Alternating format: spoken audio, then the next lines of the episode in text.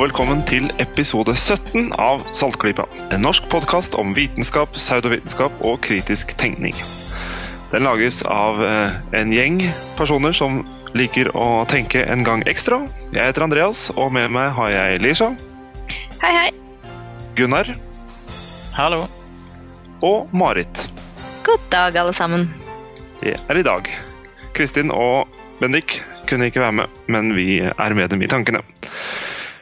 Vi har noen uh, nyheter, ting fra media som vi liker å plukke fram. Og um, første ut i dag er uh, en kar fra Trøndelag som heter Joralf.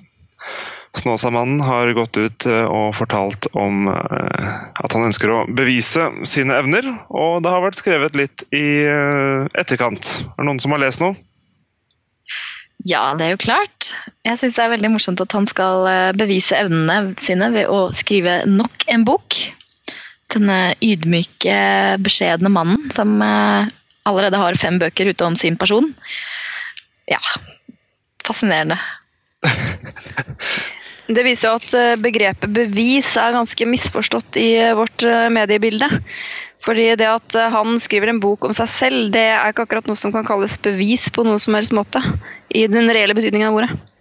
Jeg kan jo også skrive en, en bok om eh, både dette og hint, men eh, det beviser jo ikke akkurat så veldig mye i seg selv. Nei, egentlig så minner det litt om ting som vi snakket om i, i forrige episode, om spøkelser og anekdoter. Det at eh, anekdoter er eh, veldig dårlige kilder til å bevise noe, fordi hendelsen er helt utilgjengelig for andre mennesker, og man kan ikke egentlig kontrollere hva det er som har skjedd. Eh, og eh, I tillegg så er det veldig fort at minner endrer seg over tid. Iallfall når det er sånne ting som, som han beskriver, da, om, om healinger og sånn. Kanskje han i eh, versjon tre av historien forteller at han leget en jente som var blind, mens i versjon én av historien fra for ti år siden, altså fra ti år tidligere, så så var det egentlig en synshemmet jente som fikk bedre syn. Og eh, ja, Det er egentlig sånn legender bygger seg opp også. Historiene forsterkes over tid. og, og ikke, altså, Han mener nok ikke noe med det. Det er ikke sikkert at det er noe bevisst løgn, men, men uh, ja. Det at han skriver en bok om det, er ikke tilstrekkelig dokumentasjon, dessverre. Det er også litt interessant at hun, at du nevner hun eh, blinde der. fordi det å bruke det, det viser også at man, eller sagt han, i dette tilfellet ikke setter seg eh, ordentlig inn i saken. Eh, for hvis jeg ikke husker feil, så var jo dette en eh, tilstand som eh, gikk i bølger, som kunne oppleve bedring helt naturlig. Eh, og da må man jo ta det med i betraktningen. Eh, og ikke bare svelge at eh, det var healingen eller de varme hendene eller hva det var som selvfølgelig må ha gjort det. Nettopp. Og det er jo heldigvis Det er ikke helt korrekt at det går i bølger, da, men det er jo hun, hun jenta som snakker om, hadde jo noe som heter for Stargardt-disease, som er en, en lidelse der du får dårligere sidesyn og dårligere fargesyn, eh, som oppstår som regel i tenårene og blir verre og verre. og Det er en, så, en uhelbredelig sykdom. Men du blir jo ikke blind av det, det er jo det som er litt interessant. Han, han sa jo i den boka til Kolloen, så omtalte han vel hun jenta som sterkt synshemma. Men eh, to år seinere, når han satt i Nidarosdomen og snakka med biskopen, så sa han jo ordrett at eh, det kom ei blind jente til meg, og jeg ga henne synet tilbake. Og det er jo beviselig feil. Du blir ikke blind av Stargardt-disease. Jenta har jo sjøl uttalt at hun aldri har vært blind. Men hun er, hun er svaksynt, og, og det interessante med en sånn type sykdom er jo at hvis en leser litt på nettet, så ser en at det er folk som hevder at de er blitt bedre av f.eks. akupunktur. Som igjen viser at dette nok er en lidelse som til en viss grad kan påvirkes av placeboeffekt, men ikke minst at når du har en sånn type kronisk lidelse, så har det dette med innstilling og holdning til lidelsen din har ufattelig mye å si. Eh, Du kan oppleve at han blir bedre uten at du egentlig har blitt klinisk sett bedre. Og jeg leste jo en del om den sykdommen da jeg eh, skrev en bloggpost om det for et par år siden. Eh, Der jeg kalte Snåsamannen for en løgner, som ikke alle er like blide på meg for. Men jeg mener jo absolutt at han er det, for han vet bedre. Han vet hva han snakker om, og han gjør en historie bedre over tid og endrer på historien. Og som sagt, denne sykdommen eh, Hvis du kan påvirke den ved hjelp av alternativ behandling, så handler det mye om teknikker, at du lærer deg, lærer deg teknikker for å bruke synet. Eh, Det er mange som fortalte om det i ulike forum, at de lærer seg å bruke sidesynet på en litt annen måte. og sånne ting, og det, Da kan du oppleve at synet ditt blir bedre, selv om det egentlig ikke er blitt bedre. Du bare lærer deg å leve med det, du lærer deg teknikker. eh, Det du får ut av synsevnen din, er mer. Ja. Da, er det du sier. Ja. Men Akkurat hvis, det- eh, hvis uh, nyheten hadde vært at uh, Snåsamannen ønsket å komme med en bok med flere anekdoter, hadde dere vært fornøyd da? Hadde dere slutta å klage? um, nei. Men jeg, jeg synes det, det er jo fascinerende hvordan, hvordan Snåsamannen er en uh, folkekjær person som man ikke skal tulle med eller, eh, eller sette under eh, lupen. Hvorfor, Ja. hvorfor er det sånn? Jeg biter meg litt merke i det Gunnar sier om at man ikke har lov til å kalle ham en løgner. Og, og altså, selv om jeg vel kanskje er litt uh, skeptisk innstilt til om uh, han eh, manipulerer disse historiene litt bevisst, så vet jeg jo også at det er noe som folk gjør helt ubevisst selv. Uh, at vi endrer på historiene våre og bygger de opp sånn at de blir mer morsomme og effektive. Det er bare sånn det er når man tenker på en historie og gjenforteller den. Altså jeg er sikker på at jeg forteller eh, historien om den gangen jeg tryna på sykkel mye bedre nå enn det jeg gjorde uka etter at jeg tryna. Liksom. Så, eh, så strengt tatt så kunne det jo hende at han ikke mente noe vondt med det. Men det som gjør meg ekstra eh, hva skal man si, dårlig innstilt da, til han, er korttriksene. Fordi eh, dersom han driver korttriks, så syns jeg det virker mye mye mer sannsynlig at han er en eh, bevisst lurendreier enn enn, eh, at han har overnaturlige evner. Fordi korttriks er så utrolig ja, eh, lett å lære seg. Og det skulle ikke overraske meg om han hadde noen bakgrunn i trylling, eller ja, om han hadde lest noen bøker om det. Og det, det å drive korttriks er jo bevisst, på en måte. Det er ikke Nettopp. noe du gjør Det er, lett, ubevisst. det er veldig lett å la seg lure. Jeg har jo snakka en del i det siste med folk som er opptatt av bl.a. Uh, alle som de kaller seg veteropater. Og det er mye rart innenfor dyrebehandling av dyr. Og der er på hesteforum og sånn der folk er veldig opptatt av dette med dyretolker. Vi var jo tidligere inne på det i en tidligere episode av Salklypa, der vi snakker om en dyretolk. Om en dyretolk som er omtalt i Dagbladet. Og der driver jo folk og poster bilder av kjæledyrene sine, og så vil de at andre i forumet skal se på kjæledyrene og da fortelle noe om de. Eh, og disse menneskene tror jeg ikke på noen selvs vis prøver å lure andre, men de innbiller seg jo at de faktisk har den evnen som de åpenbart ikke har. Men det er veldig lett å la seg lure hvis du sier noen generelle ting, og så får du litt positiv bekreftelse, og så begynner du å lure på ja, kanskje jeg, jeg kan dette. Og jeg, jeg tror det som skiller Snåsamannen ifra for eksempel, for egentlig så burde det være veldig nærliggende å sammenligne han med f.eks. Svein Magne Pedersen, denne healeren ifra Vennesla, eh, eller Hægeland, som eh, har heala omtrent like mange. Han, for noen år siden snakket vel om 30 000, og tallet har sikkert økt en del siden det. Så han mener jo han helbreder omtrent like mange som Snåsamannen. Mens Svein Magne Pedersen føler jeg ikke har noe sånn veldig godt rykte. eller Det er ikke en person som folk anser som så veldig koselig og trivelig fyr, og på død og liv føler at de må forsvare. Og Forskjellen er vel nettopp det at han tar betalt, og legger ikke skjul på det. Men så er kommer, sånn- så kommer det veldig interessante med Snåsamannen, at han helt åpenbart tar betalt, han òg. Og det er da jeg mener at han er en løgner, for du kan vri på den historien. Du kan si ok, han sier at han aldri har tatt betalt. Det kan du si er en sannhet med modifikasjoner. Men, men det er en, en sannhet i den forstand at han kanskje aldri har krevd å få betaling. Men det er viden kjent at folk har betalt han. Han har jo delvis innrømt det sjøl i biografien.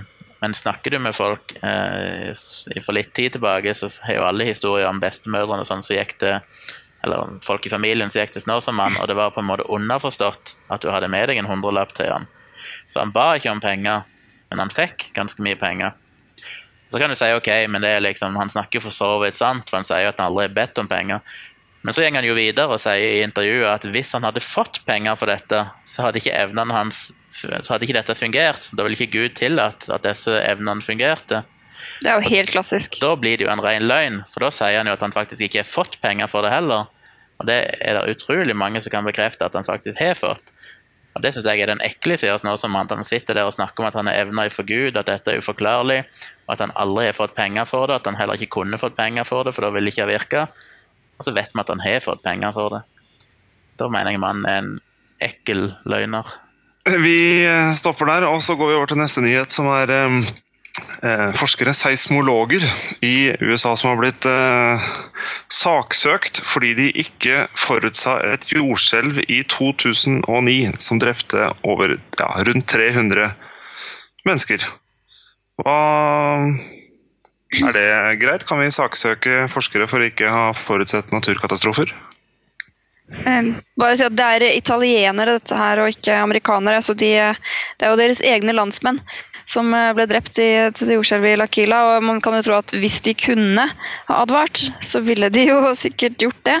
Eh, men eh, jeg syns det vitner om en ganske svak vitenskapsforståelse. For man har jo da, de som har brakt ut søksmålet, de forstår da åpenbart ingenting av seismologien.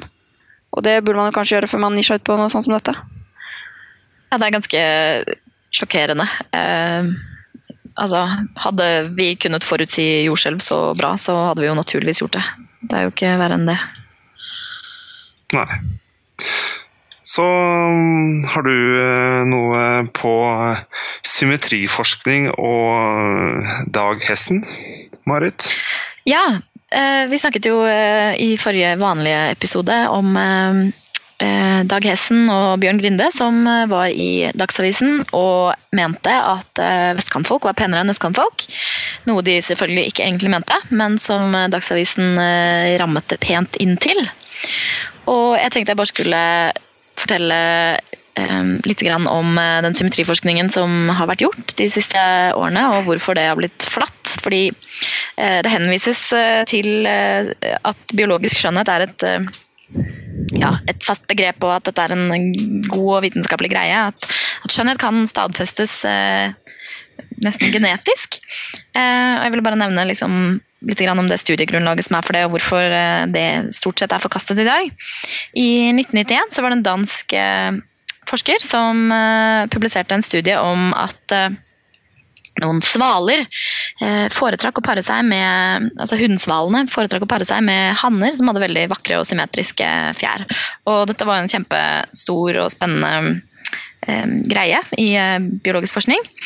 Det ble satt i gang masse studier, og man så da for seg at her var endelig det, det beviset for at eh, estetikk var egentlig bare om genetikk.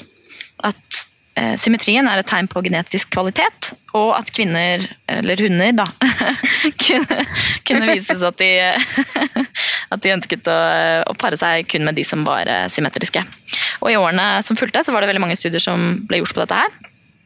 I løpet av de treste, neste tre årene var det ti studier som ble gjort, og ni av de viste positive resultater. Eh, mange av de var også om, i andre dyregrupper, og en av de handlet også om mennesker, som viste at eh, vi jenter graviterer til eh, eh godlukt og altså blir tiltrukket av menns lukt hvis de er symmetriske. Og dette gjelder bare når vi har eggløsning. Eh, I 1994 så ble det publisert 14 studier på eh, feltet, hvorav åtte viste positiv eh, korrelasjon for kvinnenes valg og symmetri. I 1995 så var det åtte studier, hvorav fem studier var positive. Det begynner altså å dale litt her. Effekten daler. Og i 1998 så var det publisert tolv artikler, hvorav fire var positive. Altså bare en tredjedel. Og ikke bare sank den, den andelen av positive studier, men effekten blant de positive studiene sank også. Fra 92 til 97 så sank effekten med 80% i de positive studiene. Det er ganske drastisk. Så Kort tid etterpå så ble feltet liksom stort sett forlatt. Og eh, det viser seg på en måte at dette sannsynligvis er en annen form for statistisk eh, ja, tilfeldighet, rett og slett. Eh, det er jo sånn at symmetri henger sammen med genetisk kvalitet. Men det er ikke nødvendigvis sånn at eh, kvinner blir tiltrukket mer av symmetri. Så, eh, så, der har dere den. En liten uh, debunking der av en relativt sånn opplest og vedtatt uh, uh, greie som man veldig ofte ser i avisen, syns jeg. Jeg ser den veldig ofte i avisen, iallfall. Ja, så der har, der har du som lytter blitt oppdatert på litt symmetriforskning. Ja, jeg vil også bare nevne at uh, Hessen skriver veldig fornuftig om forskningsformidling, og hvordan det å, uh, å bli feilrepresentert sånn som han har gjort, skader han i lang tid framover.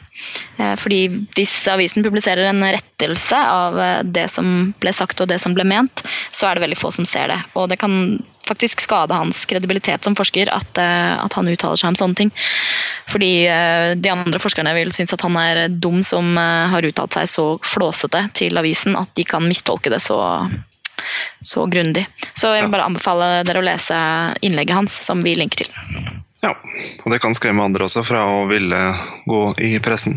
Men det har også vært eh, noen som jobber med media og presse. Strødingens katt har fått litt eh, pepper den siste eh, tiden. Og mm, du hadde også eh, lest et eh, debattinnlegg i Klassekampen, Marit. Ja, det hadde jeg. Jeg ble litt sur, eh, som jeg noen ganger gjør. Det var eh, det har jo heldigvis vært mange som har eh, kritisert Strødingers katt for eh, de episodene som har vært nå. Og jeg vil bare påpeke at Det er ikke temaene for episodene som er frustrerende her, det er uh, hvordan de blir håndtert. Og uh, I dette ene debattinnlegget da, som uh, var på trykk 25. mai, så er det en som har Altså, det virker fantastisk fornuftig, alt det han skriver, men så er det liksom dette lille greiene som ligger og lurker under, da, som kanskje ikke er så lett for folk som ikke er skeptisk oppdatert, å plukke fra hverandre. Tittelen er 'Observasjon er vitenskapens mor'.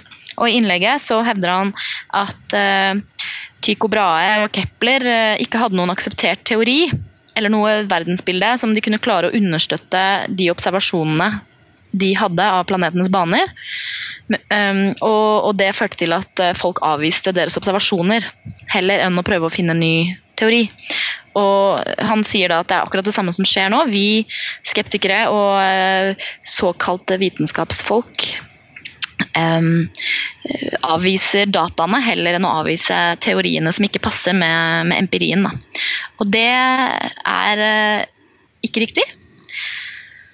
Vi uh, følger selvfølgelig empirien uh, der den går. Problemet med, med empirien som det henvises til i Schrødingers katt, er at den er for dårlig. Det er for dårlig empiri, rett og slett. Erfaringsgrunnlaget her er så tynt, og tolkningene ja, henger høyt. Nei, det blir feil å si. ja, tolkningene er eh, spuriøse.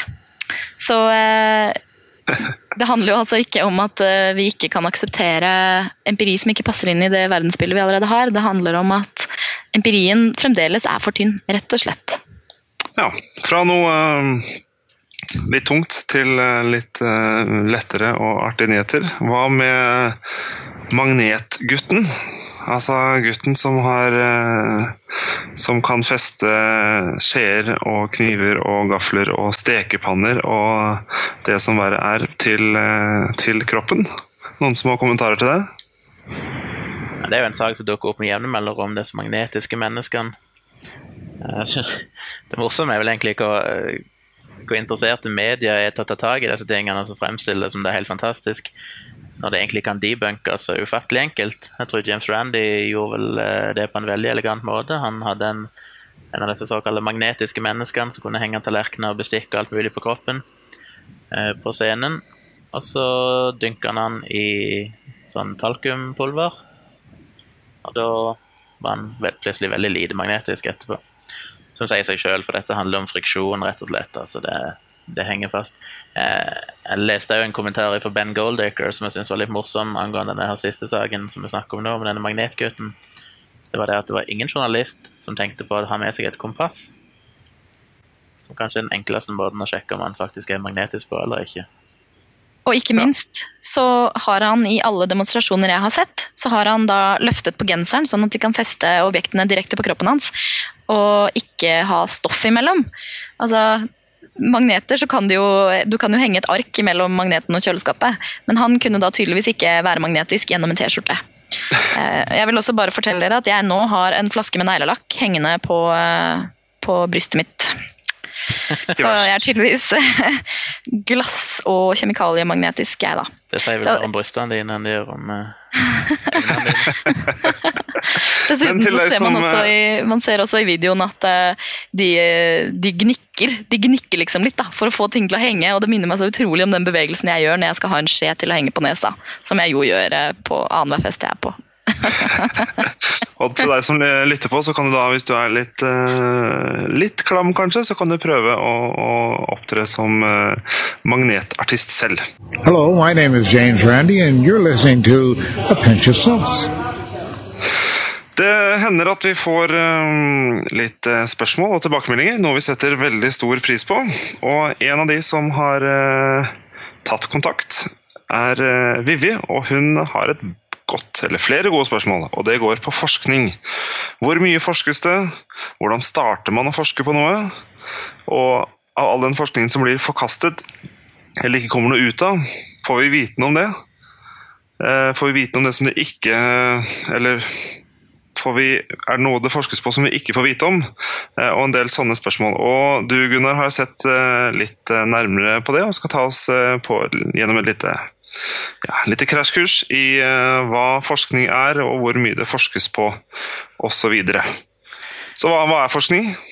Ja, jeg vet ikke om jeg klarer å svare på alle spørsmålene til Vivi sånn på sparket nå, men jeg synes det er veldig interessant spørsmål, for vi snakker jo om dette i nesten enhver sammenheng der vi snakker om kritisk tenking og, og skeptisisme. Så ønsker vi jo, som Marit sa, å følge empirien eller følge dataene. Det er jo på en måte det som er grunnlaget for de meningene vi danner oss om eh, verden rundt oss. Og Da må vi ha en måte å finne disse dataene på, på en noenlunde pålitelig måte. Eh, men samtidig så er det jo veldig lett å tenke på forskning, at du tenker på forskere i hvite frakker og laboratorier osv. Men forskning er jo en helt naturlig del av hverdagen til oss alle. Vi forsker jo alle hver eneste dag. Eh, sier du lager mat og prøver én matolje en dag, og neste gang kjøper du en annen matolje ønsker å finne ut hvilken fungerer egentlig best, eller du prøver én deodorant, og så prøver du en annen deodorant senere for å se hvilken som egentlig fungerte best. Det er jo en form for forskning, det òg. Det handler om å sammenligne forskjellige produkter eller forskjellige metoder og finne ut uh, hva som fungerer best. Problemet med, med, de metodene er at du får ikke kontrollert for alle disse variablene. Det er så forferdelig mange mm, faktorer som kan påvirke resultatet. Jeg er, veldig, jeg er, veldig, glad i uh, uttrykket at uh, forskning er, er, erfaring satt i system. Ja. ja. Og så er det, ja, det jeg synes Det er viktig det du sier med, med, med variable. for Hvis noen har lyst til å bedrive litt hverdagsforskning, noe jeg er veldig tilhenger av, så gjelder det jo å holde uh, alle andre variabler faste, og så, og så variere én variabel. Jeg har gjort et forsøk med hvorfor brødskiva alltid handler med pålegget ned, f.eks. Eh, da gjelder det jo å holde, bruke samme pålegg, samme tykkelse på brødskiva, og alt sånt, og så f.eks. Eh, eh, variere hvilken vinkel du dytter den ned fra bordet, eller hvilken høyde bordet har. eller eh, altså holde alle variabler fast, og så variere den ene. Så man kan gjøre forskning i, i, i det daglige også, hvis man vet bitte litt om hvordan det foregår. Ja, jeg tror mange av folk som lytter til denne postkassen som har sett på programmet Mythbusters, som er en sånn popularisert form for forskning. og Der ser en hvordan dette fungerer ofte. Altså de, de, skal teste en ting, og så prøver de å, å, kontrollere variablene. Altså lage en maskin eller et eller annet som, som gjør at de kan utføre forsøket om og om igjen. Mest mulig identisk, men bare endre på én ting. Og så kan de da finne ut et eller annet om den tingen. Eh, Men det er en, liten uh, forskjell, og det er at hvis de ikke får noe tydelig resultat i Mythbusters, så sprenger de alt for moro skyld. Den har du ikke i hverdagen. Nei, du kan jo gjøre det òg, da. Men det kan bli dyrt i lengden. Uh, I eksempelet jeg, nevnte med f.eks. deodorant, så er det jo sånne ting som jeg kanskje ikke tenker på, men bruker du en deodorant som du føler ja, denne her hjelper, jeg svetta mindre enn jeg brukte denne deodoranten. Men så er spørsmålet var du kanskje i mindre aktivitet i den perioden du brukte den deodoranten? Hadde du på deg andre klær? Var det en annen temperatur? Osv. Videre, så, så uten at disse variablene som kan påvirke resultatet, er like, så kan du ikke si så mye om effekten til den deodoranten, for å ta et litt banalt eksempel. Så forskning, eh, vitenskapelig forskning handler veldig mye om dette å kontrollere for variabler. Og da eh, har vi jo dette som Vi snakker jo veldig ofte om vitenskapelig metode og det er litt sånn teoretisk. Eh, men det vi kaller for randomiserte, kontrollerte studier, som vi skal snakke litt om En gang til, Gunnar. Hva kalte du det? Jeg kom inn på alle disse ordene etter hvert. men Vi kaller, kaller det gjerne for randomiserte, kontrollerte studier. Eh, som er en slags den praktiske versjonen av vitenskapelig metode. Altså når vi setter vitenskapelig metode ut i praksis, så ender vi opp med denne type studier som veldig ofte blir brukt, og som jeg kommer til å snakke mest om innenfor medisinsk forskning. Men så, så, er det jo en del som sier at ja, men vitenskapen er utilstrekkelig. Den kan jo ikke, Det er så mye den ikke kan måle. Eh, jeg har jo nylig hatt en ganske stor diskusjon i bloggen min om homopati. Og et, En vanlig innvending der er jo at ja, men homopater kan ikke, du kan ikke måle effekten av det, for det opererer på en måte som ligger utenfor vitenskapens område, eller et eller annet sånn. Vitenskapen er for begrensa. Men da har de på en måte ikke forstått hva dette handler om. For du kan gjerne designe en studie der homopaten kan operere akkurat sånn som han pleier å gjøre. Han kan ta imot pasienter, han kan snakke med dem sånn som han pleier å gjøre. Han kan foreskrive en individualisert eh, homopatisk preparat til dem, akkurat sånn som han pleier å gjøre. Altså Han kan operere akkurat sånn som han gjør. Det eneste du ønsker å finne ut av, er blir de pasientene som har vært hos han homopaten, friskere enn de som er i en kontrollgruppe, som får et såkalt narrepille. Og den, om du blir frisk eller ikke frisk, eller friskere fortere enn den andre gruppa, påvirker ikke måten homopaten opererer på. Det er ikke noe i den vitenskapelige metode som begrenser dette. Du må bare velge deg ut hva du ønsker å teste, så kan du designe en studie som ivaretar alle disse tingene. Ja, for, for, dette handler om å holde én variabel fast. ikke sant? For da er det, eller nei, holde alle variabler fast bortsett fra pillene. Hvis du bytter ut de homeopatiske pillene, så vil du fortsatt ha samme homeopaten som gjør den samme eh, konsultasjonen og samme behandlingen, og du vil ha det på samme sted. og Alt skal være likt bortsett fra pillene. Så det handler igjen om å, ja, om å ha samme Men i akkurat det eksempelet så kan det jo være at folk sier ja, men homeopater det, det som En vanlig innvending er at i, i sånne studier så holder du nettopp alle variabler konstante, men det gjør ikke en homeopat. for han foreskriver såkalt individualisert medisin. Altså Han er nødt til å gi forskjellige medikament til hver pasient. For det er en del av kjernen i homopati, mens mm. skolemedisin gir bare ett medikament til alle. Men allikevel, ikke, akkurat i det tilfellet så er ikke det noe problem. for at eh, det du ønsker å teste, er om den homopatiske behandling, akkurat hva som inngår i den behandlingen, er ikke så interessant. Eh, som jeg òg sammenligna med, det kunne jo vært kosmiske stråler fra Mars, det kunne vært krystallterapi. Altså det kan være hva som helst. Akkurat hva som skjer, ikke det interessante. Men du lar de gjennomføre den type behandling, og så har du én ting du måler. og det er for eksempel, I studier for på diaré så har de ganske sånn konkrete målemetoder for antall ganger du har avføring i løpet av et døgn, og hvor fast den avføringen er. og sånn. Altså Det er en helt objektiv ting du kan måle, uavhengig av uh, var det beste eksempelet du kom på, var diaré, Gunnar? For det, det jeg skrev om nylig, så det var liksom det som eh, poppa inn i hodet mitt. Uh, my dirty mind. Bokstavelig talt. Jeg har, jeg har en T-skjorte med, med, åtte ulike former for avføring på for å kunne stille diagnose. Jeg kan ta den på meg neste gang vi møtes. Det var hyggelig. Ja, det er veldig fint. Men når det gjelder medisinsk forskning, så er det da gjerne to typer studier. Eh, den ene er det vi kaller for epidemiologisk, eller en observasjonsstudie. Eh, det er litt sånn at du ser f.eks. på Jeg la ikke si at du sier at eh, rødvin må være sunt. For det at folk i Frankrike drikker mye rødvin, og de har mindre hjertesykdommer f.eks. enn andre mennesker. Da har du på en måte tatt en gruppe mennesker. Du kontrollerer ikke for noen variabler. i utgangspunktet. Du gjør utfører mer en slags observasjon av en gruppe mennesker og prøver å finne et eller annet mønster eh, som du kan trekke noen konklusjoner ut ifra. Og Det kan ofte gi interessante resultater. Problemet er at du kan ikke, du, I en sånn studie så er du som sagt ikke kontrollert for variablene, så du vet jo ikke om de også samtidig kanskje har et annet kosthold som gjør at, de, at det er det som gjør at de har bedre hjertehelse. At det ikke nødvendigvis er denne vinen de drikker. Eller det kan være andre faktorer. Så I observasjonsstudier så må man jo da i ettertid prøve å eventuelt kontro kontrollere for den type variabler med å Eh, ja, justere på tallene, holdt å si, sånn at du får et eller annet eh, godt resultat ut i andre enden. Men det er vanskelig, for det er vanskelig å eliminere alle variablene. Og Da har du den andre type studie som heter en eksperimentell studie eller intervensjonsstudie, eh, som er det vi skal snakke om nå. Der du har mye mer kontroll over situasjonen, for der plukker du ut på forhånd de menneskene som skal være med i studien, og gjør en, en del forskjellige grep for å kontrollere variablene. Så du observerer de altså fra starten av ikke bare når du gjør i ettertid. Eh, et eksempel som ofte blir brukt på den første kontrollerte studien, er en uh, fyr som heter James Lind, som tilbake i 1747 gjorde det vi ofte, ofte, blir referert til som en av de første skikkelig kontrollerte studiene. Uh, en del har kanskje hørt om at sjømenn uh, før i tida ofte døde av en sykdom som vi i dag kaller for skjørbuk. Lite tåpelig, da. Det er så lett å kurere. som rett og slett skyldes Marit, hva skyldes det? C-vitaminmangel. Ja. For når de var ute på disse lange sjøferdene sine, så hadde de veldig sjelden med seg frukt.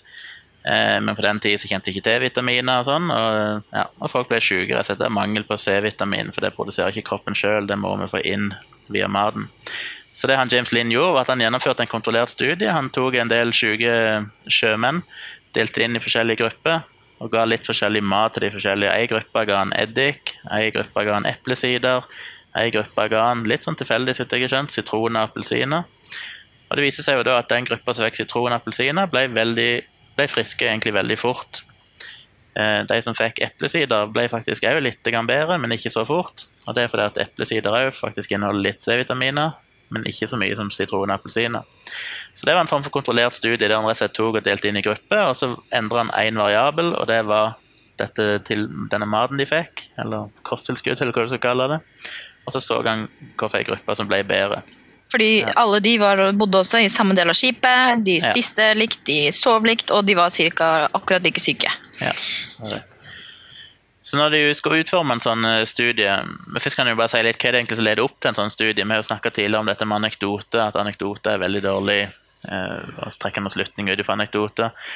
Men anekdoter har jo en funksjon, og det er at det kan være interessante ting. Hvis du ser eksempel jeg tar for eksempel et eksempel med Frankrike. Du kan eksempel si at ja, vi har registrert at i Frankrike så har en mindre eh, hjerteproblemer.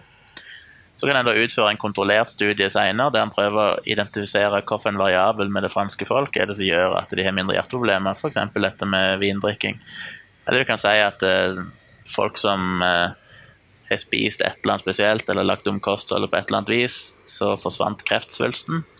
Ok, Hvis det er, det er et sånn anekdotisk bevis vi stadig vekk hører, men hvis det gjentar seg en del ganger, og sånt, så kan det jo være grunnlag for at kanskje det er noe her en bør forske på. Kan det være et eller annet her? Eh, Et annet grunnlag for forskning kan jo være at datamodeller. At de modellerer I dag så blir de modellert helt ned på molekylnivå. At de modellerer forskjellige proteiner og molekyler i, i datamaskinen. Og prøver å se hvordan disse reagerer sammen med hverandre og passer sammen. Og sånn. Og, og ut ifra det så kan en da danne seg hypoteser som, som en da ønsker å teste senere i disse studiene. Og når en skal lage en studie, så er det veldig viktig at en på forhånd lager en såkalt studieprotokoll. For det skal vi komme litt tilbake til. Altså, du må på forhånd ha skrevet ned og lage, utforme en metodologi for hvordan dette her skal faktisk fungere. Før en kommer til forskning på mennesker, så begynner en jo ofte med som sagt, litt datamodeller, og sånn, men så går en videre til laboratoriestudier, det en kaller for in vitro-studier. Der en ofte ser for seg petriskåler og reagensglass, der en har cellekulturer og, og tester forskjellig. Og Det er jo litt interessant, for veldig ofte så hører en jo om disse fantastiske kreftkurene.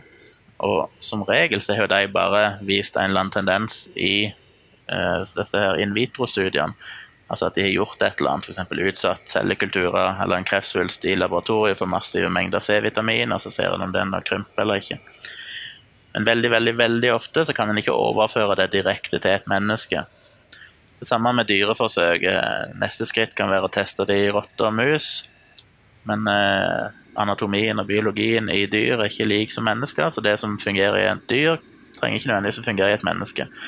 Så for å vite om disse medisinene virker, så må en på et eller annet tidspunkt teste det i mennesker. Og Det er da vi kommer inn på dette vi kaller for kliniske studier.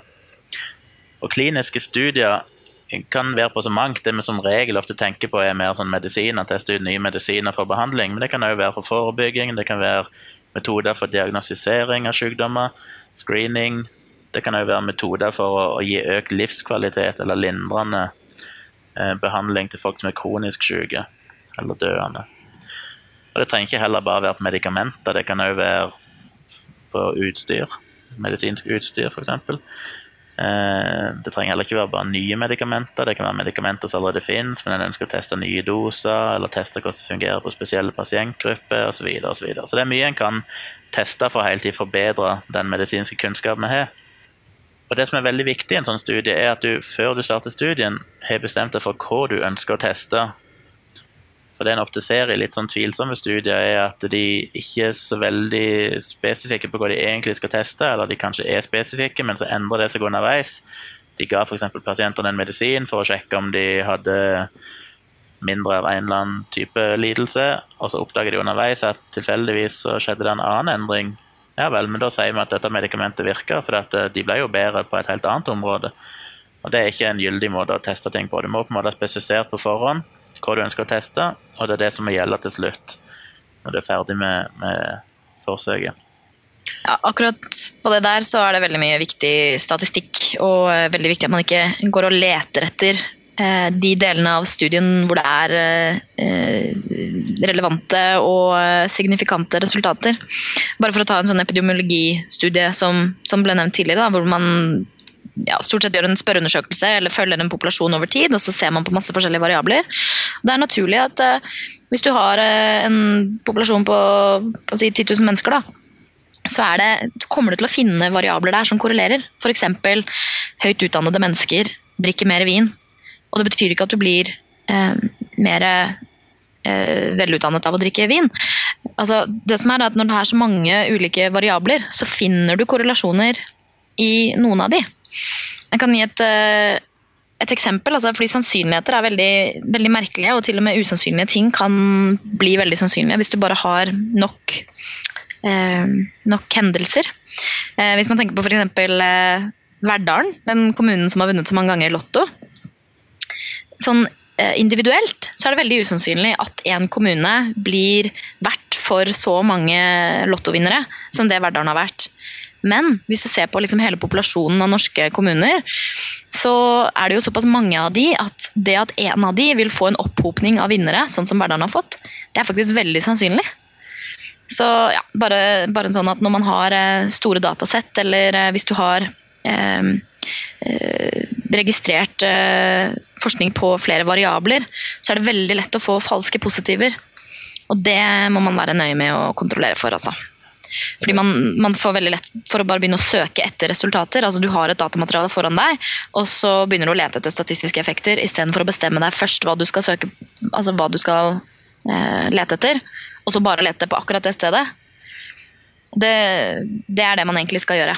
Og det er fryktelig ueffektivt. Det hadde vært mye bedre hvis vi kunne søkt i ett materiale etter resultater for 20 ulike ting, men det, det, kan man faktisk ikke gjøre. fordi da har man ikke kontrollert for de eh, relevante variablene nødvendigvis. Og også i et så stort sett så blir det mer og mer sannsynlig at du finner sammenhenger som ikke egentlig har noen reell sammenheng. Da. Det er interessant det du sier med dette med lottovinner og Verdalen. Det er det samme med kreft. Du hører det jo stadig vekk, så det er en eller annen liten landsby eller et eller annet sted der det plutselig har vært litt mye krefttilfeller, og da tenker folk her må det være et eller annet spesielt, for dette kan ikke være tilfeldig. Men så er det jo bare det at det er akkurat det som er tilfeldig. Tilfeldighet er jo ikke at du har en jevnt fordelt antall krefttilfeller helt sånn korrekt, sånn at det er akkurat like mye alle plasser. Tilfeldighet er jo nettopp det at du har opphopninger rundt forbi, og det er litt ujevnt fordelt. Så det er en sånn klassisk eh, feil mennesker gjør. Ikke helt klarer å se det. Ja, vi er så utrolig Altså hvis du, hvis du skal tegne noe tilfeldig fordelt, så tegner du det egentlig veldig jevnt fordelt. Mm. Skulle du tegnet det jevnt fordelt, nei unnskyld, tilfeldig fordelt, så ville det vært masse opphopninger og, og sånn. Ja. Vi er fantastisk dårlige til å lage tilfeldige rekker med tall og sånt også. Så tilbake til kliniske studier. Når du da bestemt deg for hva du ønsker å teste, f.eks. om en medisin eh, gjør at eh, en gruppe hjertepasienter får færre hjerteinfarkt, så må du på en måte ha spesifisert at det er akkurat det du ønsker å finne ut av, ikke eventuelt andre positive ting som måtte vise seg. Eh, og En sånn klinisk studie er ofte delt inn i fire faser. Den første fasen, fase 1, blir gjort på en ganske liten gruppe, ofte allerede friske mennesker. Eller, som regel er det bare friske mennesker som får en liten dose av dette medikamentet i kroppen, rett for å se hvordan det oppfører seg. Eh, på den måten får en avdekka litt bivirkninger, ved å gi større og større doser og se på et tidlig stadium hva er det egentlig som reagerer kroppen på dette. På dette tidspunktet så er en ikke så interessert egentlig i effekten av det, men det er mer bare for å se om det er giftig, om du rett og slett tåler det. Og litt jo om hvor store doser du må ha før du i det hele tatt begynner å få effekt. Det hender jo at de har med syke pasienter i denne fase 1, eh, fase 1 for hvis du har folk som f.eks. er kreftsyke eller aids-syke og ikke har noen annen behandlingsmetode, de er rett og slett døende, da kan det være at de allikevel har nytte av å være med i en sånn fase 1, selv om en på det tidspunktet vet omtrent ingenting om denne medikamentet er effektivt, eller behandlingsmetoden er effektiv. Men det er jo bedre enn ingenting. Så det hender at, det, at de får med denne type pasienter her. Men i utgangspunktet er det friske folk, og det kan være små grupper på sånn 20 personer, opp til kanskje 100. Så kommer en til fase 2. Det er da det begynner å bli mer interessant. Da er det en større gruppe. Eh, aller helst bør det gjerne være opp mot 100 300. Og Da begynner en med et som heter kontrollert studie, der en eh, prøver å bestemme litt, eller kontrollere litt med forskjellige variabler. Og Da har en folk som faktisk er syke, gir de dette medikamentet for å sjekke om de opplever noen bivirkninger over kort tid. De blir også observert i en viss periode for å se om de har noen bivirkninger. Og veldig ofte er det her disse nye medikamentene eller studiene blir avbrutt ved de nye medikamentene. For på dette tidspunktet i fase 2 så ser en jo da at oi, dette her hadde ikke den effekten som vi kanskje trodde det hadde ut ifra disse laboratorietestene. Eller det viser seg at det er bivirkninger som plutselig nå dukker opp når du får litt større antall folk. Men hvis det nå viser seg å faktisk ha en relativt god effekt, og det er ikke noen alvorlige bivirkninger, så går vi videre til det som heter fase 3-studier, som er det aller, aller viktigste. Og da en, da er, det veldig viktig med at det er en skikkelig kontrollert studie med en, en del flere mennesker, gjerne flere hundre, kanskje opptil noen tusen i beste fall. Og Her får en en skikkelig god integrasjon etter hvert på effekten og bivirkninger. Og Disse fase 3-studiene varer jo da over en del lengre tid og kan koste fryktelig mye penger. Det er vel estimert eh, noen plasser at eh, disse, eh, å få ut, utarbeide eller lage et nytt medikament kan koste godt og vel en milliard dollar totalt sett. Og veldig ofte så må man ha minst to eller flere fase 3-studier for at et medikament skal kunne bli godkjent av myndighetene.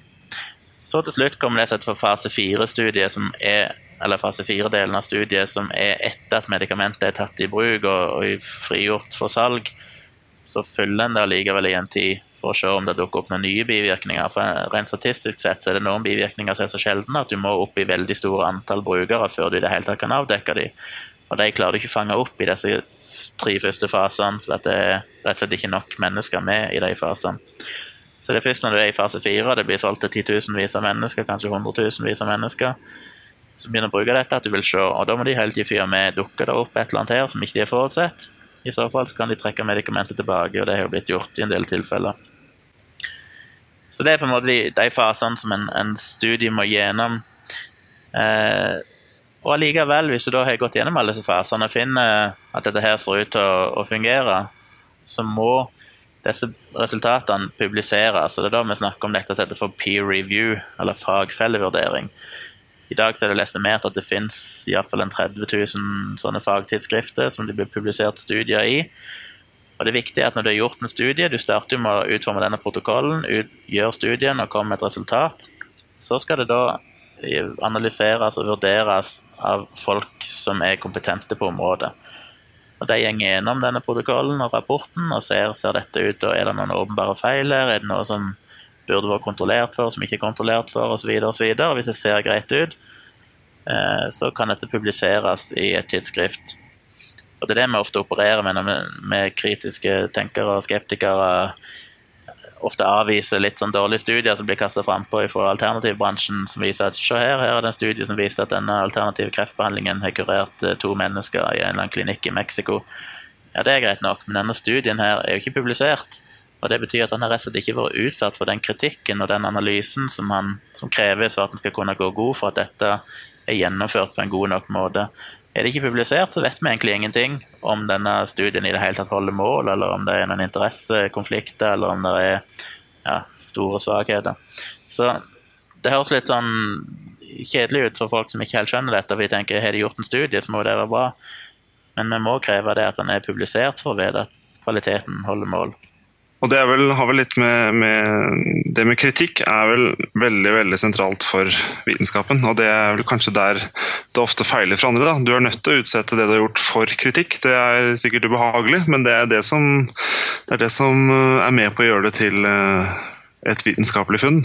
Ja, en, en, god studie, Hvis du leser disse studiene eller rapportene av studier, så vil jo de ha en, en innledning der, der, de beskriver hva de ønsker å finne, og en, en, metode der de beskriver hvordan det er gjennomført, og så en del om resultatet og en konklusjon. Men til slutt så skal jo en god studie òg ha en diskusjonsdel, der forskeren er selvkritiske og sier ok, her fikk vi dette resultatet.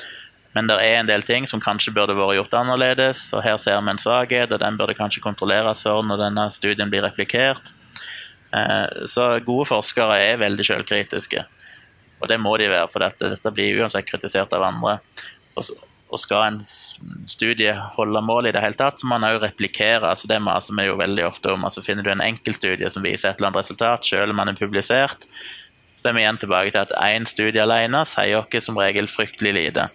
Det må replikeres. så Derfor er det så viktig med denne protokollen som blir skrevet i starten. altså blir skrevet En detaljert protokoll om hva studien skal utføre, sånn at andre forskere kan replikere den etter den samme metoden, og se om de da får det samme resultatet. Hvis, hvis et laboratorium får ett resultat, og så prøver andre å replikere det, så får de et helt annet resultat, så kan en jo anta at det har skjedd et eller annet i den første studien som ikke var helt heldig. Eller den andre studien. Uh, uansett, uh, jeg bare tenkte litt på dette med, med kritikk. At uh, det minner meg litt om uh, sånne sitcoms hvor det er en eller annen som blir mobba for et eller annet i uh, klassen, og foreldrene sier ah, men du må, du må komme dem i forkjøpet. Du må, du må, tenke på hva det er de kommer til å si, og så må du vitse om det selv. Og Det er litt sånn uh, greia med, med den diskusjonsdelen også, at det er veldig viktig for forskerne å være bevisst på all den kritikken som kan komme. fordi Hvis de gjør en dårlig studie, så er det jo utrolig frustrerende for dem. De har jo lagt masse arbeid inn i det her. En studie tar jo gjerne mange måneder, eh, kan jo ta år hvis du jobber med et stort materiale å gjøre. Eh, så det beste er jo selvfølgelig å bare prøve å, å finne ut alt som kan gå galt, og på en måte svare på den kritikken før de andre kommer med det. Så, så, forskere er stort sett veldig opptatt av å gjøre ting riktig. Det hender jo naturligvis at det går galt, men ja. ja. Et praktisk eksempel på det som jeg synes er litt interessant, det var igjen tilbake til diaré, som jeg er veldig opptatt av i dag. Så så var det en, eh, en homopatistudie jeg skrev om i bloggen, der de først gjennomførte en sånn eh, test av homopatisk behandling av diaré hos barn i den tredje verden. Og De gjennomførte to studier som begge hadde positivt resultat, som tyder på at homopatisk behandling virker. Men i diskusjonsdelen så presiserte de jo, som de som regel bør gjøre i sånne små studier, at disse resultatene må replikeres i større grupper. Og hva skjedde da, når de faktisk noen år senere replikerte den samme studien, men i en ganske mye større gruppe? Jo, da forsvant resultatet. Da var det ikke lenger noen positiv effekt av homopat tiden, rett og slett for at tallmaterialet ble såpass mye større at den statistiske effekten som så ut til å være der, den forsvant. Så dette med diskusjonsdelen og å finne svakheter med sine egne studier og sånn, er, fryktelig viktig. Og En grunn til at det er så viktig med replikering, er jo og grunnen til at vi så fort avviser sånn enkeltstudier og sånn, når alternativbransjen ofte kommer trekkende med en studie som viser det ene og det andre fra en eller annen alternativ behandlingsmetode, så er det det at forskningen er forferdelig grumsete. Altså det, det, er ikke sånn som det ofte blir fremstilt i media, at det, nå er det gjort en studie som viser at det er ikke sånn forskningen fungerer. Forskning er en prosess. Den også tar veldig mye tid. Det må mange mange studier som blir replikert og publisert osv. Og, så videre, og, så gradvis så nærmer en seg en eller annen form for sannhet som dukker opp ut av dette materialet. Men det er ikke sånn at vi kan bare finne ut at nå skal vi finne ut om sånn og sånn, og så gjør vi en studie, og så har vi svaret. Sånn er det ikke. Og en eh, greker som heter Jon Ioannidis, eh, som er blitt mye omtalt de siste årene, han gjorde en del analyser på dette. og Han fant ut at av disse studiene som ble publisert, eller han gikk gjennom en hel mengde studier som var publisert, og så sjekka han studier som kom etterpå, for å se, eh, som viste at de første studiene som ble publisert, faktisk var feil. Og Det skjedde i så mange som 80% av studier som ikke var randomiserte. Man skal snakke litt om randomisering etterpå, men men det som er, de aller, aller fleste typer studiene er ikke godt nok randomiserte. 80% av de viser seg faktisk å være feil. Det vil egentlig si at Ser du en studie som viser effekten av et eller annet medikament, så er det en veldig stor risiko for at den studien isolert sett rett og slett kommer til feil konklusjon. Og til og med 25% av det som vi kaller for gullstandard eh, der de har brukt randomisering og kontrollgrupper osv., viser seg òg å faktisk være feil og blir da snudd om eh, når det kommer senere studier. Det, det, er mye det òg, men det må jo bety at hvis det går, hvis det går fra 80 til 25% så må det vise det tydelig at det er en, en god effekt, effekt av, å, av, å, ha den gullstandarden og være randomisert. da. Absolutt. og Det, det finnes noen tall på det som jeg ikke fant nå i farten, men eh, jeg tror Ben Goldecker har skrevet en del om det. og, og hvor, stor effekt det faktisk har når en studie. Bare det at de, de har gjort en del som har analysert dette, da, og Bare det at du ikke beskriver hvordan du har randomisert eh, gruppene dine i studien, gjør altså det, Du kan gjerne si at du har gjort det, men du har ikke beskrevet hvordan du gjorde det. Da er det en, viss prosentandel som er ganske høy, større sjanse for at den studien har positivt resultat, enn i studier der de faktisk tar seg bryet med å beskrive hvordan de har randomisert det. Og sånne små ting. Og det har en enorm effekt. Det er liksom ikke snakk om sånn 1-2% men det er snakk om 30-40-50 større sjanse for at det får et positivt resultat hvis ikke de vektlegger disse tingene godt nok. Yes. Så det er utrolig viktig at dette blir gjort eh, på en veldig gjennomført måte. Vi kan bare snakke fort om dette med randomisering, hvor viktig det er. Dette handler om at når det er en kontrollert studie, så kan du ikke bare altså I all behandling så er det placeboeffekt, for det første. Jeg skal ikke gå så veldig mye på placeboeffekten, for det er en stor diskusjon. Men vi vet at alle typer behandlinger, uansett hva du gjør, bare du snakker med en person omtrent, eller stryker en person, så vil det ha en positiv helseeffekt. Enten gjennom fysiologiske eller psykologiske endringer, eller bare at du opplever ting bedre, at du får en annerledes opplevelse av problemet ditt. Så dette vil alltid slå inn. Til og med i kirurgi så er det placeboeffekt. Så du er nødt til å kontrollere for dette. for Hvis du gir noen et medikament, en pille, som ikke har noen som helst effekt, så vil en del av pasientene uansett føle seg bedre. Og Da kan en jo bli lurt og tro at denne medisinen faktisk virker, når den egentlig ikke gjorde det. Så hvordan skal en kontrollere for det? Jo, det en gjør da er at en har to grupper. Det vi kaller for ei testgruppe, som får den faktiske medisinen. Så er det ei annen gruppe som får narremedisin. Gjerne sukkerpiller altså som ser helt identiske ut, men de inneholder ikke det stoffet som skal være medisin. Sier du at de i kontrollgruppa får homopatisk medisin nå, eller hva? Ja, Det er jo det som er litt artig når de forsker på homopat homopati, for da får jo egentlig kontrollgruppa og placebogruppa nøyaktig det samme. Begge får jo sukkerpiller. Men uh, ja. Ja, Det er en annen diskusjon. Det er en annen diskusjon. Så da kan en da sammenligne de gruppene etterpå og se fikk den gruppa som fikk narrepille, hadde de en eh, Eller hvor stor effekt hadde det hos deg, og hadde de som fikk ekte medisin, hadde de større effekt eller hadde medisin større effekt hos deg. Hvis begge to blir bedre, men den ene gruppa blir ikke noe bedre enn den andre, så kan en jo si at medisin ikke virker. Og Det er jo en ting som ofte blir misforstått innenfor alternativmiljøene. For at de sier ja, men det virker jo, de ble jo bedre. Jo da, de ble bedre, men begge gruppene ble like mye bedre. Det vil si at De som fikk narremedisin, ble òg bedre, men de ble ikke noe bedre enn, eller de som fikk ekte medisin, ble ikke noe bedre, så det er ikke noe forskjell på gruppene. og Dermed kan en ikke si at det er noen effekt. For i en medisin som virker, så er det på en måte en todelt effekt. Det er summen av placeboeffekt og den faktiske effekten av medisinen. Og Det tallet skal på en måte alltid, eller den effekten der må jo bli større enn de som bare har placeboeffekt. Ja, så I skolemedisinen så er det også mye placebo. Det er også noe mange ikke får med seg. Det er veldig viktig at Når vi snakker om placeboeffekt, så er det ikke en bortforklaring av alternativ behandling. Placeboeffekten gjør seg gjeldende i alle typer behandling, som sagt Ja. til og med i kirurgi. og Det er derfor, nettopp derfor vi har disse kliniske, kontrollerte studiene. Nemlig. Men nå var ikke dette et innslag om, om placebo. Har du noe Ja, så tilbake til med fors- randomisering- forskningsmetodikken? Ja, Når vi snakker om randomisering, da, som nevnte, så har du disse to gruppene. og For å være sikker på at disse to gruppene er sånn noenlunde representative, så må du ha randomisering. Det vil si at du må ha en tilfeldig fordeling av de to gruppene. Du kan ikke, Hvis du begynner å plukke ut folk bevisst og sier at den personen han skal i den gruppa som får placebo, den personen han skal i gruppa som får ekte medisin, så er det veldig fort gjort at det trer inn en del sånne ja, Jeg har aldri funnet et godt norsk ord for det. Bias. Bias. men så har et godt norsk ord for det. Fins det? Eller man si En slags forutinntatthet, men Ja.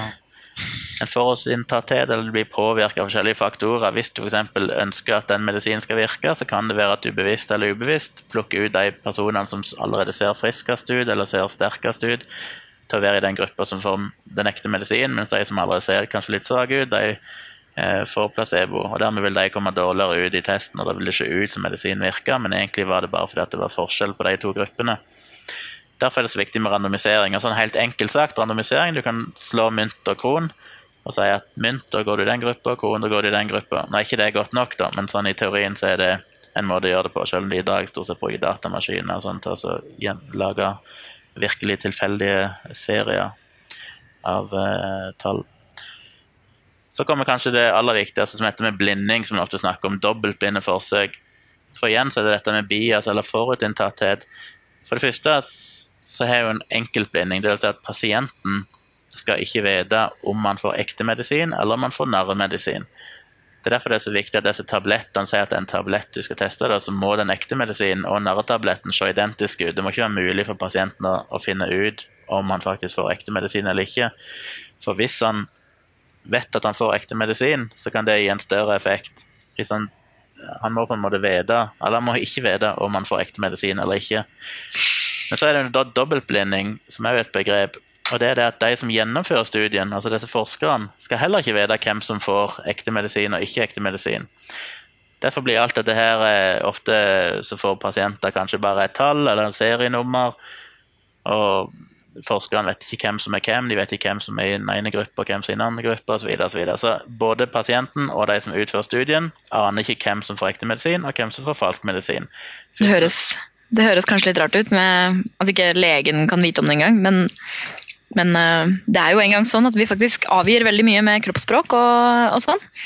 Eh, skal vi ta historien om Clever Hans, eller? Ja, det kan du gjøre. Det var en eh, hest som eh, for en eh, hundre års tid siden eh, reiste rundt på turné fordi han kunne regne. Han eh, reiste da rundt med eieren sin og ble vist fram for store publikum. Eh, Eieren skrev eh, et regnestykke på tavla, og så begynte Hans da å trampe med den ene foten. Og når han kom til eh, riktig tall, så sluttet han å trampe. Så han telte opp, det var helt tydelig. Han kunne regne opp til en 20 eller noe sånt. Og det som viste seg etter hvert her, var at eh, eieren og publikum Nei, han kunne godt gjøre det uten at eieren uten at han så eieren, men han måtte ha et publikum. Og det som er greia her, er at han, eh, Hans eh, reagerte veldig på publikums oppmerksomhet. For eksempel, så når han nærmer seg det riktige tallet, som alle i publikum naturligvis har regnet ut og sitter og følger spent med på, så hever alle seg litt i stolen og lener seg ekstra spent inn. Og da slutter han å trampe.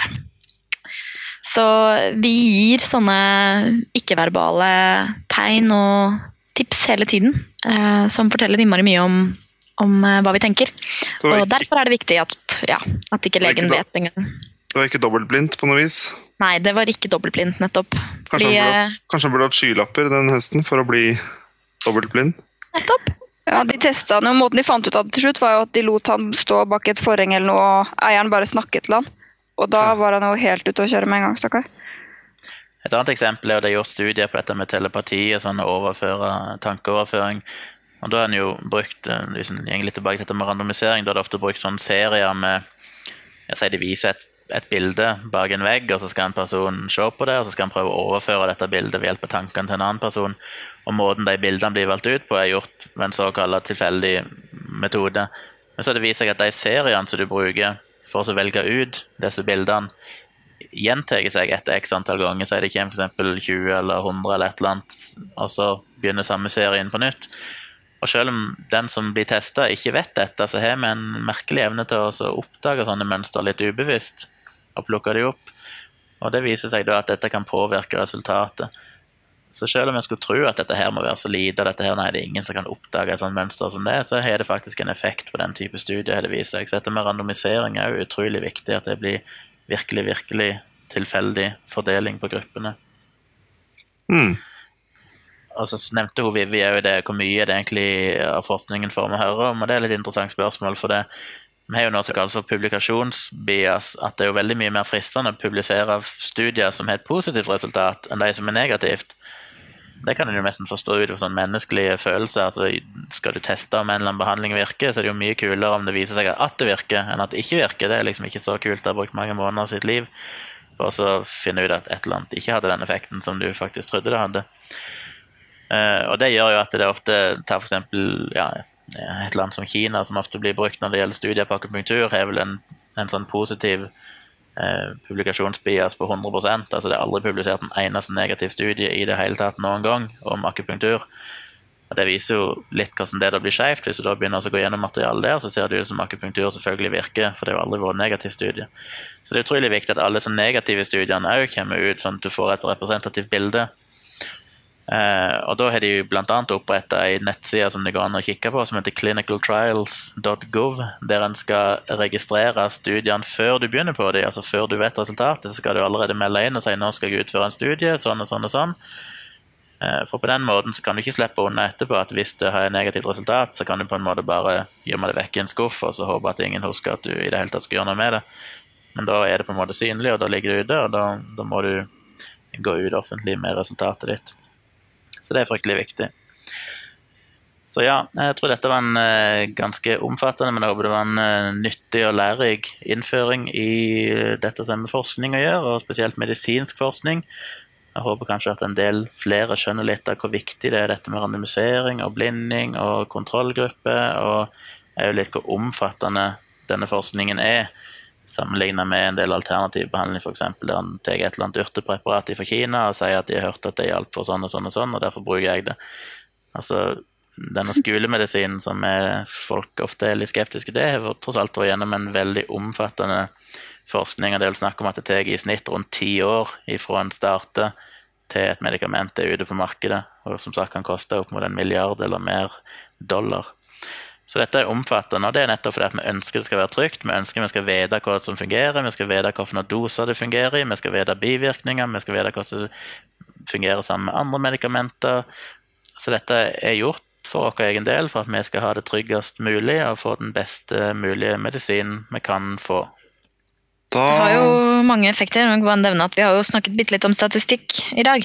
Og det er jo mange av de kronglete greiene som øh, henger sammen med forskning, da, som har med statistikk å gjøre. Så det kan vi jo snakke litt om senere. Det kan vi ta en gang. Men da har folk E-verdier og sånt. Ja, da har folk litt, litt inntrykk av, av, metoden som ligger bak, bak, forskning. Og så må vi jo gjenta, eller gå tilbake til vi begynte, at det går an å forske litt i hverdagen ved å, ved å variere én variabel og holde de andre fast. Og kanskje hvis du skal bruke mennesker, så kan det være greit å slå kron og mynt og randomisere litt og sette seg litt inn i forsknings metodikk. Sånn kan det gå når vi får et spørsmål fra en av dere som eh, hører på. Send gjerne inn mer, og vi har fortsatt til gode å få en hilsen på Skype som vi kan bruke i programmet. Da er vi over til ukens anbefaling, og siden dette har vært en litt sånn forskningsspesial, så har jeg lyst til å begynne med forskning.no altså anbefale nettstedet. Det er en uh, nettavis med norske og internasjonale forskningsnyheter. Og hvis du er på Twitter, så kan du også følge dem der. Forskning.no styres av uh, redaksjonens uh, ansvarlige, Nina Kristiansen. Jeg vil, også, jeg vil gjerne tipse om en annen ting. Det er en hendelse som faktisk pågår flere ganger gjennom hele året. Men den neste eventen er da 18.6. Det heter Idéfestivalen og finner sted på UiO.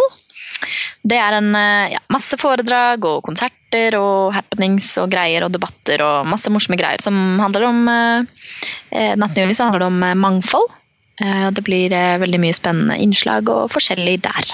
Veldig gøyal ny form for formidling der, altså, med en idéfestival.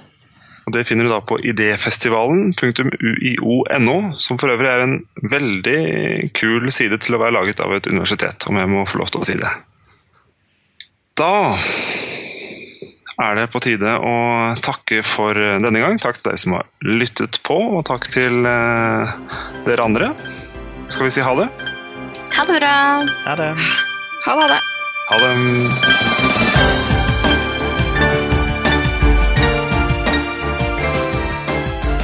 Saltklypa er en norsk podkast som tar for seg vitenskap og pseudovitenskap i samfunnet med et kritisk blikk. Podkasten produseres og drives på frivillig basis, helt uavhengig av noen organisasjon.